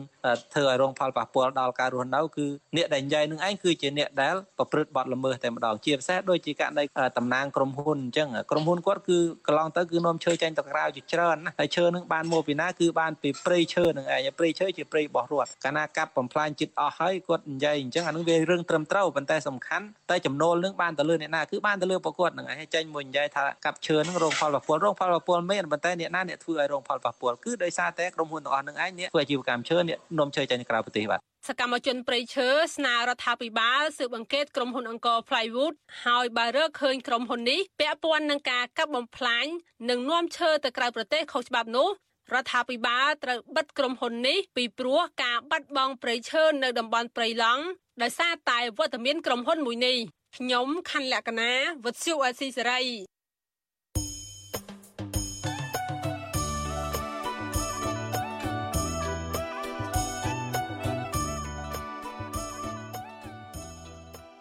ចាលោកនាងកញ្ញាជាទីមេត្រីដំណើរគ្នានឹងស្ដាប់ការផ្សាយផ្ទាល់របស់វិទ្យុអាស៊ីសេរីចានៅលើបណ្ដាញសង្គមមួយចំនួនចាដូចជា Facebook YouTube ចានិង Telegram នេះចាលោកនាងក៏អាចស្ដាប់ការផ្សាយរបស់វិទ្យុអាស៊ីសេរីនេះចាតាមរយៈវិទ្យុរលកធាតុអាកាសខ្លីចាតាមកម្រិតនិងកម្ពស់ដូចតទៅនេះពេលព្រឹកចាប់ពីម៉ោង5កន្លះដល់ម៉ោង6កន្លះតាមរយៈ post SW 93.90 MHz ស្មើនឹងកម្ពស់ 32m និង post SW 11.85 MHz ស្មើនឹងកម្ពស់ 25m ពេលយប់ចាប់ពីម៉ោង7កន្លះដល់ម៉ោង8កន្លះតាមរយៈ post SW 93.30 MHz ស្មើនឹងកម្ពស់ 32m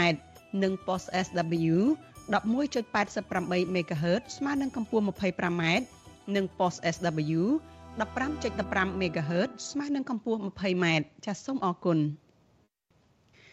ចាលោកនាងកញ្ញាជាទីមេត្រីសេចក្តីរាយការណ៍ពីខេត្តបាត់ដំបងឯណោះឲ្យដឹងថាដំណាំស្រូវរបស់ប្រជាកសិករនៅក្នុងស្រុករុក្ខគិរីនិងស្រុកមោងរុស័យរាប់ពាន់ហិកតា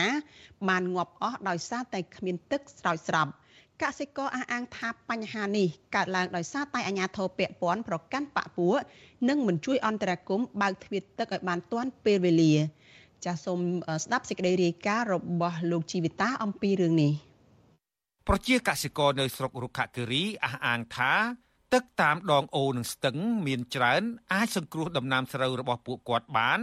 ក៏ប៉ុន្តែដោយសារអាជ្ញាធរដោះស្រាយប្រកាន់បកពួកនិងមិនអើពើដល់ពួកគាត់ទើបបណ្ដាលឲ្យស្រូវងាប់ប្រជាពលរដ្ឋនៅភូមិព្រះអណ្ដូងឃុំស្ដុកប្រវឹកស្រុករុក្ខគិរីលោកប៉ែនវ៉ាន់ប្រាប់វិទ្យុអាស៊ីសេរីនៅថ្ងៃទី21មករាថា ស្រូវប្រាំងរបស់លោកចំនួន5ហិកតាងាប់ទាំងអស់ ដោយសារគ្មានទឹកស្រោចស្រពលោកបញ្ជាក់ថាលោកនិងប្រជាកសិករក្នុងភូមិបានស្នើសុំបើកទ្វារបង្ហូរទឹកតាមរយៈមេភូមិមេឃុំអភិបាលស្រុករហូតដល់អាជ្ញាធរខេត្តបាត់ដំបងជាច្រើនលើកច្រើនសារក៏ប៉ុន្តែគ្មានដំណោះស្រាយឡើយ។ដូចជាឲ្យចាំមើលសិនសិនសិនសិនលុកតែទឹកនឹងចែកចាយទនេតនាអស់បានគេថាគេឆ្លើយមកប្រាប់ថាឥឡូវអត់បានហើយដល់ពេលអញ្ចឹងឥឡូវនាំគ្នាបូមអាទឹកដងទឹកអីហ្នឹងដាក់សង្គ្រោះប្រើប្រើថាតែលោកកើតដល់ឥឡូវមានអីឥឡូវអាទឹកដងក៏អស់ប្រើអាស្រែក៏ខូចចប់ហើយប៉ះពាល់ច្រើនគួរឬថាសេដ្ឋកិច្ចយើងវាអត់មានដំណើរការអញ្ចឹងយើងនឹងរកអីពឹងអីដល់អញ្ចឹងងាកទៅអាគោគោថោកងាកទៅអាជ្រូកជ្រូកថោកអាស្រោក៏ធ្វើអត់បានដល់ពេលអាលុយអង្គការក៏ចេះតែលុយអង្គការអញ្ចឹងទៅអីបើអញ្ចឹងបងប្អូនគ្នាមកដោះស្រាយដែរឡូវអត់ចោលចុកចង់អស់ហើយវិទ្យុអាស៊ីសេរីមិនអាចតាក់ទងអភិបាលខេត្តបាត់ដំបងលោកសុកលូ ដើម្បីសូមអត្ថាធិប្បាយជុំវិញបញ្ហានេះបានទេនៅថ្ងៃទី21មករាប៉ុន្តែមេឃុំស្ដុកប្រវឹកលោកអ៊ូអៀងប្រាប់វិទ្យុអាស៊ីសេរីដោយទទួលស្គាល់ថាដំណាំស្រូវរបស់កសិកររាប់ពាន់ហិកតានៅស្រុកមួងឫស្សីនិងស្រុករុក្ខគិរីពិតជាក្រៀមស្វិតងាប់ប្រកបមែនលោកបន្តថាបញ្ហានេះអាជ្ញាធរពាក់ព័ន្ធបានព្យាយាមដោះស្រាយជាបន្តបន្ទាប់ដែរក៏ប៉ុន្តែมันអាចដោះស្រាយបានដោយសារគ្មានប្រភពទឹក ហើយទំនប់ដែលយើងកំពុងធ្វើនៅទំនប់ដូនត្រីហ្នឹងធ្វើមិនតាន់ហើយ មានទំនប់ប្រសាហើយទំនប់ប្រសាស្ទាក់ទឹកបានតិចទឹកស្ទឹងរហូតមករេញរេញវាអត់លទ្ធភាពដោះទេមើលទៅដោះអត់បានហើយខាងមុំក៏ខូចទៅមានលទ្ធភាពអាបាខេតគាត់ចុះមកមើលផ្ទាល់បើដោះបានគាត់ដោះហើយអត់មានបដ ாய் ឲ្យខូចចឹងទេទោះជាយ៉ាងណា មន្ត្រីសម្របសម្រួលសមាគមការពារសិទ្ធិមនុស្សអាត់ហុកប្រចាំខេត្តបាត់ដំបងលោកយិនមេងលីយល់ឃើញថាការខ្វះខាតទឹកនេះដោយសាររដ្ឋាភិបាលមិនធ្វើប្រព័ន្ធធារាសាស្ត្រឲ្យបានច្រើន ដើម្បីស្តុកទឹកទុកឲ្យកសិករស្រោចស្រពដំណាំ លោកបន្តថា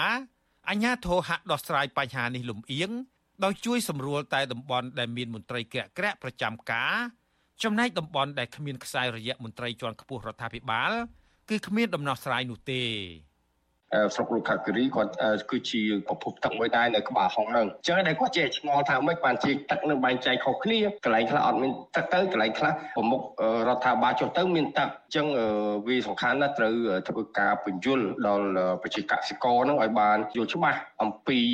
បញ្ហាទាំងអស់ហ្នឹងហេតុអីបានជាតំបន់មួយបើកបានតំបន់មួយបើកបានដើម្បីឲ្យប្រជាពលរដ្ឋគាត់យល់ឲ្យច្បាស់ជាវាមានការភ័ន្តច្រឡំគាត់នឹងធ្វើការចោទកាន់ទៅលើអាជ្ញាធរថាអូមានបាក់នេះពួកអី កាលពីថ្ងៃទី10មករាអតីតរដ្ឋមន្ត្រីក្រសួងមហាផ្ទៃលោកសខេងបានចុះទៅអន្តរាគមឲ្យអាជ្ញាធរបើកទ្វារបង្ហូរទឹកនៅឃុំតាលាស់ស្រុកមួងឫស្សីខេត្តបាត់ដំបងដើម្បីឲ្យប្រជាពលរដ្ឋស្រោចស្រពដំណាំស្រូវប្រាំងរាប់ពាន់ហិកតាប៉ុន្តែប្រជាពលរដ្ឋអះអាងថាអាជ្ញាធរប្រកាន់បកពួកព្រោះតំបន់ពួកគាត់ធ្វើស្រូវនៅស្រុករុក្ខគិរី គឺអាជ្ញាធរមិនបានបើកទ្វារទឹកឲ្យប្រើប្រាស់នោះឡើយ។ មេឃុំស្ដុកប្រវឹកលោកអ៊ូអៀងអះអាងថា ការខ្វះខាតទឹកនេះដោយសារកសិករធ្វើស្រូវប្រាំងច្រើន ដែលមានផ្ទៃដីជិត10000ហិកតានៅស្រុករុក្ខគិរីនិងស្រុកមួងឫស្សីមន្ត្រីសង្គមស៊ីវិលលោកយុនមេងលីយល់ឃើញថាកសិករធ្វើស្រូវច្រើនជាការល្អជួយដល់ជីវភាពរស់នៅរបស់ប្រជាពលរដ្ឋឲ្យបានល្អប្រសើរក៏ប៉ុន្តែ លោកថាអាញាធរទៅវិញទេ ដែលមិនដោះស្រាយទុកកង្វល់របស់ពលរដ្ឋលោកបន្តថា ដើម្បីដោះស្រាយបញ្ហានេះរដ្ឋាភិបាលគួរតែសង់ប្រព័ន្ធធារាសាស្ត្រឲ្យបានច្រើនបន្ថែមទៀតនៅតំបន់ដែលមានកសិករធ្វើស្រូវប្រាំងច្រើន ដើម្បីពួកគាត់បានទឹកប្រើប្រាស់ទាំងរដូវប្រាំងនិងរដូវវស្សាខ្ញុំជីវិតាអាស៊ីសេរីដើម្បីទទួលបានរង្វាន់អាយុ podcast របស់ Visual Assisray សម្រាប់សប្តាហ៍នេះ សូមប្រិយមិត្តសរសេរជាអត្ថបទកំណាព្យដែលឆ្លុះបញ្ចាំងពីការពិតនៅក្នុងសង្គមកម្ពុជាឬផ្ដល់មតិយោបល់ពីប្រធានបទល្អៗដែលប្រិយមិត្តចង់ដឹងនិងចង់ឲ្យយើងលើកយកមកពិភាក្សាសូមកុំភ្លេចបញ្ជាអាស័យដ្ឋានរបស់លោកអ្នកនាងរួចផ្ញើចម្លើយទៅកាន់អ៊ីមែលរបស់យើង contact@ofa.org នាដំណាក់កាលនេះដើម្បីរក្សាសុវត្ថិភាពយើងនឹងចែកជូនអាយុនេះដល់ប្រិយមិត្តដែលកំពុងរស់នៅក្រៅប្រទេសកម្ពុជាតែប៉ុណ្ណោះ។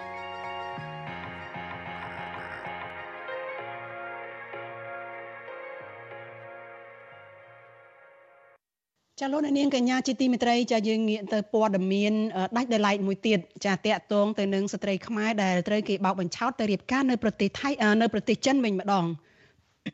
ចាសូមអធិស្ឋានចាអង្គការលីកាដូយល់ថាប្រទេសកម្ពុជាដែលបានធ្វើសច្ចាប័នលើអនុសញ្ញាស្ដីពីការលុបបំបាត់រាល់ទម្រង់នៃការរើសអើងប្រឆាំងស្ត្រីភេទនិងពិធីសារបន្ថែម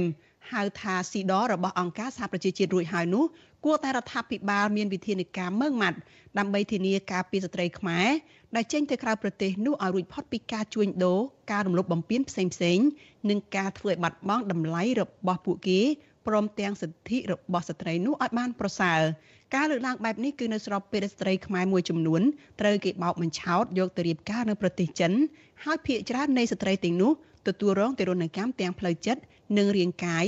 រហូតដល់បាត់បង់តម្លៃជាមនុស្សដោយសារតែប្តី និងក្រុមគ្រួសារជនជាតិចិននោះបានវាយធ្វើបាប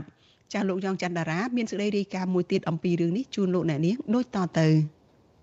ស្ត្រីខ្មែរជាច្រើនអ្នកដែលធ្លាប់រងគ្រោះដោយសារតែការបោកបញ្ឆោតយកទៅរៀបការនៅប្រទេសចិននិយាយថាការធ្វើទរណកម្មលើរូបរាងកាយនិងផ្លូវចិត្តពីសំណាក់ប្តីនិងក្រុមគ្រួសារជនជាតិចិន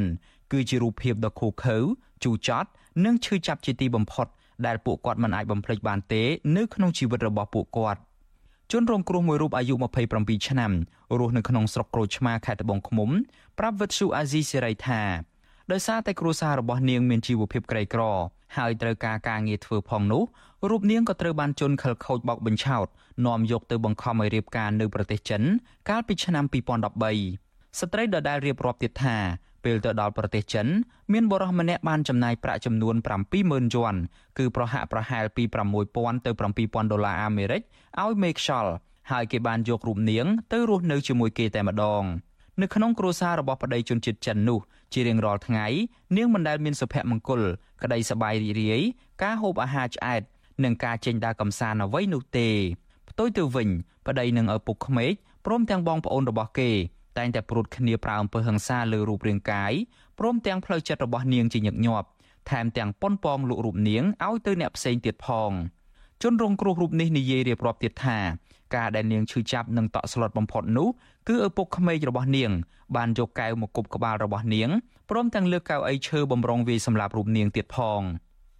ហូបចុកជូនអីឆ្អែតជូនអីមិនឆ្អែតពេលខ្លះទៅគេចាក់សោគេមិនអោយយើងចូលផ្ទះគេទៅគេមិនអោយបាយយើងចេញចឹងទៅថ្ងៃមួយខ្ញុំហត់ខ្ញុំថាមីហូបមិនផ្ទះខ្ញុំតន់បានថាផងចាប់ឪឡើងមកដល់បាត់កាំងតោខ្ញុំពងហាន់ស្ទីក្តោបហ្នឹងលេងកញ្ឆក់ពីដៃខ្ញុំគីឡូក្បាលយើងហើយយើងក៏បាត់កាំងតោទៅកាប់តបនឹងជួយឲ្យស្ដីឲ្យយើងបោកលេខធំធំមកខ្ញុំប្រឡឹងផ្លះនឹងហោះទៅណាទៅថ្ងៃនេះកាលនោះគេនាំខ្ញុំទៅកន្លែងឡាញលះណែក្មេងខ្ញុំថាលក់ខ្ញុំតទៅឲ្យអ្នកផ្សេងដល់ទៅខាងកន្លែងគេឡាញលះគេធ្វើការគេថាអ្នកឯងធ្វើជាងខុសច្បាប់ជួញដូរមនុស្សហើយខ្ញុំពិបាកពូអើយមិនបានមកដល់ស្រុកខ្មែរវិញទៅនេះស្ត្រីរងគ្រោះម្នាក់ទៀតដែលរស់នៅក្នុងស្រុករវៀងខេត្តព្រះវិហារបានរៀបរាប់ប្រាប់វិទ្យុអាស៊ីសេរីថាដោយសារតែជីវភាពគ្រួសារក្រីក្រ នាងបានទៅធ្វើការរត់តុកនៅក្នុងហាងអាហារមួយ នៅជាប់គល់ស្ពានអ្នកលឿងត្រៃខាងកើតនៅទីនោះហើយដែលជនខិលខូច បានទៅបោកបញ្ឆោតរូបនាងនាំឆ្លងកាត់ប្រទេសវៀតណាមទៅរៀបការប្តីនៅឯខេត្តចាងស៊ីប្រទេសចិនដោយរូបនាងនិងក្រុមគ្រួសារមិនបានទទួលប្រាក់បណ្ដាការពីប្តីជនជាតិចិននោះមួយរៀលទេស្ត្រីដដែលបន្ថែមថានៅប្រទេសចិន នាងបានយកប្តីចំនួន2លើកដោយប្តីទី1គឺជាបរិះដែលមិនគ្រប់លក្ខណៈបានកូនស្រីម្នាក់ រស់នៅជាមួយប្តីទី1នៅក្នុងខេត្តចាងស៊ីម្ដាយក្មេកបានធ្វើបាបរូបនាងគ្រប់ពេលរួមទាំងការមិនអោយហូបអាហារគ្រប់គ្រាន់ទៀតផងចំណែកឯប្តីដែលមិនសូវគ្រប់លក្ខណៈនោះទៀតសោតតែងតែបង្ខំរូបនាងឲ្យរួមភេទដោយមិនដែលគិតពីសុខភាពរបស់នាងនោះទេដោយសារតែទ្រាំទៅនឹងការធ្វើបាបពីសំណាក់ប្តីនិងម្ដាយក្មេកមិនបានរូបនាងក៏បង្ខំចិត្តរត់ចេញពីគ្រួសារនៅខេត្តចាងស៊ីហើយទៅរួមរស់ជាមួយបរិះចិនពីការជឿម្នាក់ទៀតនៅក្នុងខេត្តហឺណានរហូតកើតបានកូនប្រុសម្នាក់ទៀត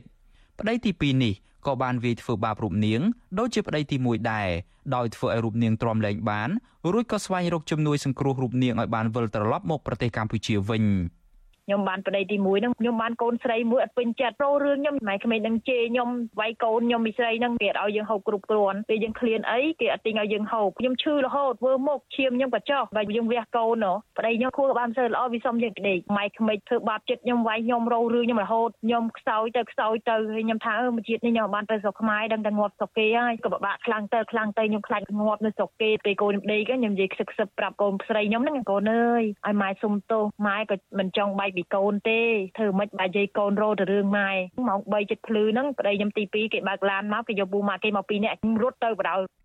ស្ត្រីរងគ្រោះទាំងពីរនាក់នេះឲ្យដឹងប្រហាក់ប្រហែលគ្នាថា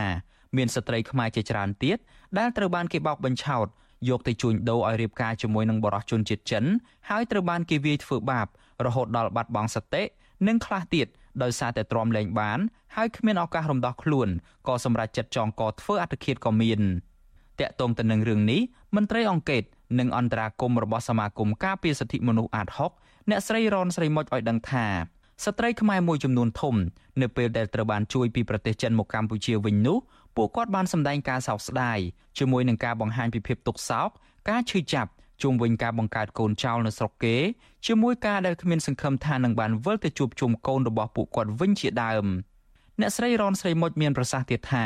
បច្ចុប្បន្ននេះសមាគមការពារសិទ្ធិមនុស្សអាត6កំពុងប្រឹងប្រែងសហការជាមួយនឹងក្រសួងមហាផ្ទៃដើម្បីជួយជនរងគ្រោះដោយសារតែការជួញដូរនៅប្រទេសចិននេះជាបន្តបន្ទាប់ នៅក្នុងរូបភាពនេះដែរយើងមើលឃើញថាវាជាការរំលោភទៅលើសិទ្ធិស្ត្រីធ្ងន់ធ្ងរហើយបង្កការឈឺចាប់ឲ្យគ្នាកាន់តែច្រើនឡើងខ្ញុំដែលជាអ្នកអន្តរាគមន៍ខ្ញុំសំណូមពរឲ្យអាជ្ញាធរពាក់ព័ន្ធជាពិសេសសមត្ថកិច្ចលោកជួយរកចាប់មេខ្យល់នៅក្នុងការបញ្ឈប់កុំឲ្យមានបរិបទចំណាក់ស្រុកឬខុសច្បាប់ក៏ដូចជាការជួញដូរផ្លូវភេទកើតឡើងទៀតពេញមួយឆ្នាំ2023សមាគមការពារសិទ្ធិមនុស្សអាត6បានជួយសង្គ្រោះស្ត្រីខ្មែរចំនួន34នាក់ ពីការជួញដូរផ្លូវភេទនៅក្នុងប្រទេសចិន និងប្រទេសអាស៊ីមួយចំនួនទៀតស្ត្រីខ្មែរទាំងនោះត្រូវបានគេជួយសង្គ្រោះចេញពីខេត្តហឺណានខេត្តជាងស៊ីក្រុងសៀងហៃនិងក្រុងខ្វាងជូវនៃខេត្តគួងតុងប្រទេសចិនជាដើមតាក់ទងទៅនឹងរឿងនេះរដ្ឋលេខាធិការក្រសួងមហាផ្ទៃនិងជាអនុប្រធានអចិន្ត្រៃយ៍គណៈកម្មាធិការប្រយុទ្ធប្រឆាំងការជួញដូរមនុស្សអ្នកស្រីជូប៊ុនអេងមានប្រសាសន៍ថាបច្ចុប្បន្នគណៈកម្មាធិការប្រយុទ្ធប្រឆាំងការជួញដូរមនុស្សរបស់រដ្ឋាភិបាល ដែលមាន20ក្រសួងចូលរួមកំពុងតែប្រឹងប្រែងយ៉ាងខ្លាំងនៅក្នុងកិច្ចសហការជាមួយស្ថានទូតរបស់ប្រទេសជាច្រើនដើម្បីទប់ស្កាត់ការជួញដូរមនុស្សព្រមទាំងជួយសង្គ្រោះជនរងគ្រោះផង។ យើងធ្វើការតាំងពីថ្នាក់ជាតិដល់ថ្នាក់ក្រោមជាតិហើយក៏ជាមួយនឹងអន្តរជាតិតាមរយៈស្ថានទូតអញ្ចឹងយើងចង់និយាយថាការងាររបស់យើងជាកង្វល់នឹងហើយបានជាយើងខំប្រឹងប្រែងរកវិធីដើម្បីសហការគ្នាធ្វើការងារបានគ្រប់ជ្រុងជ្រោយពីព្រោះជាយុទ្ធសាស្ត្ររបស់យើងគឺមានតាំងពីបង្ការទប់ស្កាត់រហូតដល់ពេលមានបញ្ហាយើងធ្វើការសង្គ្រោះជនរងគ្រោះផ្ដល់សេវាហើយយើងផ្ដាក់ប្រំទាទោសជនល្មើសកាលពីឆ្នាំ2023កម្ពុជាបានបង្ក្រាបអំពើជួញដូរមនុស្ស និងអំពើធ្វើអាជីវកម្មផ្លូវភេទចំនួន137ករណីដោយឃាត់ខ្លួនជនសង្ស័យបញ្ជូនទៅតុលាការចំនួន160នាក់ជាមួយគ្នានេះសមត្ថកិច្ចកម្ពុជាក៏បានជួយសង្គ្រោះជនរងគ្រោះដោយសារតែអំពើជួញដូរមនុស្សពីក្រៅប្រទេសដូចជាពីប្រទេសចិន ប្រទេសថៃឥណ្ឌូនេស៊ីម៉ាឡេស៊ីឡាវនិងនៅក្នុងប្រទេសផងចំនួន424នាក់នៅក្នុងនោះមានស្ត្រីចំនួន297នាក់ជុំវិញរឿងនេះ នាយកទទួលបន្ទុកកិច្ចការទូតទៅនៃអង្គការការពារសិទ្ធិមនុស្សលីកាដូលោកអំសំអាត មានប្រសាសន៍ថាជនរងគ្រោះមួយចំនួន បានបាត់បង់តម្លៃជាមនុស្សនិងភាពថ្លៃថ្នូរហើយប្រៀបបានទៅនឹងសត្វធាតនៅពេលដែលគេបានធ្វើទុកបុកម្នេញគាត់ខ្លាំងហួសហេតុពេកលោកអំសំអាតជំរុញរដ្ឋាភិបាលកម្ពុជាត្រូវតែពង្រឹងកិច្ចការពារស្ត្រីខ្មែរទាំងឡាយដែលចេញទៅក្រៅប្រទេសកុំឲ្យមានការធ្វើបាបលើរូបរាងកាយនិងផ្លូវចិត្តតទៅទៀត ពីព្រោះតែរដ្ឋាភិបាលកម្ពុជា បានផ្ដល់សេចក្ដីបានលើអនុសញ្ញាស្ដីពីការលុបបំបាត់រាល់ទម្រង់នៃការរើសអើងប្រឆាំងស្ត្រីភេទនិងពិធីសារបន្ថែមរបស់អង្គការសហប្រជាជាតិរួចទៅហើយ ត្រូវតែមានការគោរពការលើកកម្ពស់ទៅលើស្ត្រីហើយនឹងចាត់ធានាការទាំងឡាយដើម្បីធានានឹងការពីបានថាស្ត្រីត្រូវរួចផុតពីការជួញដូរធ្វើទុកបុកម្នេញការរឹតអើងនិងការរំលោភបំពានផ្សេងផ្សេងទៀតទៅលើសិទ្ធិស្ត្រីហើយនៅពេលដែលស្ត្រីក្រងនៅភាពអយុត្តិធម៌ត្រូវធានាថាទទួលបាននៅយុត្តិធម៌ក្រុមអង្គការក្រៅរដ្ឋាភិបាល និងអ្នកស៊ើបអង្កេតបរទេសមួយចំនួនរកឃើញថា បច្ចុប្បន្ននេះអំពើជួញដូរមនុស្សពីកម្ពុជាទៅក្រៅប្រទេសនិងពីក្រៅប្រទេសចូលមកកម្ពុជា នៅតែកើតមានគឺដោយសារតែមានអំពើពុករលួយនៅក្នុងប្រព័ន្ធយុតិធធនិងមន្ត្រីរដ្ឋាភិបាលមួយចំនួនដែលមានទួនាទីក្រាក់ក្រាក់មានជាប់ពាក់ព័ន្ធទៅនឹងរឿងនេះដែលធ្វើឲ្យការអនុវត្តច្បាប់គ្មានប្រសិទ្ធភាពនៅក្នុងការបង្ក្រាបក្រុមជនដែលជាមុខសញ្ញាជួញដូរមនុស្សនោះខ្ញុំយ៉ងច័ន្ទដារាវិទ្យុអាស៊ីសេរី Washington ចាលោកនាងកញ្ញា ប្រិយមិត្តជាទីមេត្រីចានៅយប់ថ្ងៃច័ន្ទស្អែកនេះចាសូមអញ្ជើញលោកនាងចាកុំភ្លេចចូលមកស្ដាប់កម្មវិធីផ្សាយរបស់វិទ្យុអាស៊ីសេរីជាថ្មីម្ដងទៀតចានៅក្នុងយប់ថ្ងៃច័ន្ទស្អែកនេះចាយើងនឹងមានចាក់ផ្សាយឡើងវិញកម្មវិធី podcast របស់វិទ្យុអាស៊ីសេរីតាក់ទងនឹងថាតើករណីមន្ត្រីក្រសួងការងារគឺលោករដ្ឋមន្ត្រីក្រសួងការងារគឺលោកហេសួរដែលប្តឹងអ្នកជំនាញកសិកម្មគឺលោកនីណាក់នោះសមហេតុផលដែរឬទេ ចានៅក្នុងនោះគឺមានលោកសំពូលីចានិងលោកសេបណ្ឌិតចាលោកជជែកពិភាក្សាគ្នាអំពីករណីរដ្ឋមន្ត្រីក្រសួងការងារប្តឹងអ្នកជំនាញកសិកម្មលោកនីណាដែលបណ្ដាលឲ្យលោកជាប់ពន្ធនាគារជាលើកទី2ដោយសារតែការបញ្ចេញមតិប៉ះពាល់ដល់ឈ្មោះហេងសួរដែលទទួលបានដីព្រៃពីរដ្ឋនៅឯខេត្តកំពតចាសសូមអញ្ជើញលោកអ្នកនាងចាសកុំភ្លេចត្រឡប់មកតាមដានការផ្សាយរបស់វិទ្យុអាស៊ីសេរីចាសជាថ្មីម្ដងទៀតនៅយប់ថ្ងៃច័ន្ទស្អែកនេះកុំបីខាន។ ចាលោកនាងកញ្ញាជាទីមេត្រីចាការផ្សាយរបស់វិទ្យុអាស៊ីសេរីនៅយប់នេះចាចាប់ត្រឹមតែប៉ុណ្ណេះចានាងខ្ញុំសុជីវីព្រមទាំងក្រុមការងារទាំងអស់របស់វិទ្យុអាស៊ីសេរីចាសូមអរគុណដល់លោកអ្នកនាងដែលតែងតែមានភក្ដីភាពចំពោះការផ្សាយរបស់យើងហើយតែងតែតាមដានស្ដាប់ការផ្សាយរបស់យើងជារៀងរាល់ថ្ងៃរហូតមកចាយើងខ្ញុំសូមជូនពរដល់លោកនាងកញ្ញានិងក្រុមគ្រួសារទាំងអស់ ចាសសូមប្រកបតែនឹងសេចក្តីសុខសុភមង្គលនិងមានសុខភាពល្អជានិច្ចនិរន្តរ៍ចាសនាងខ្ញុំសូមអរគុណនិងសូមជម្រាបលា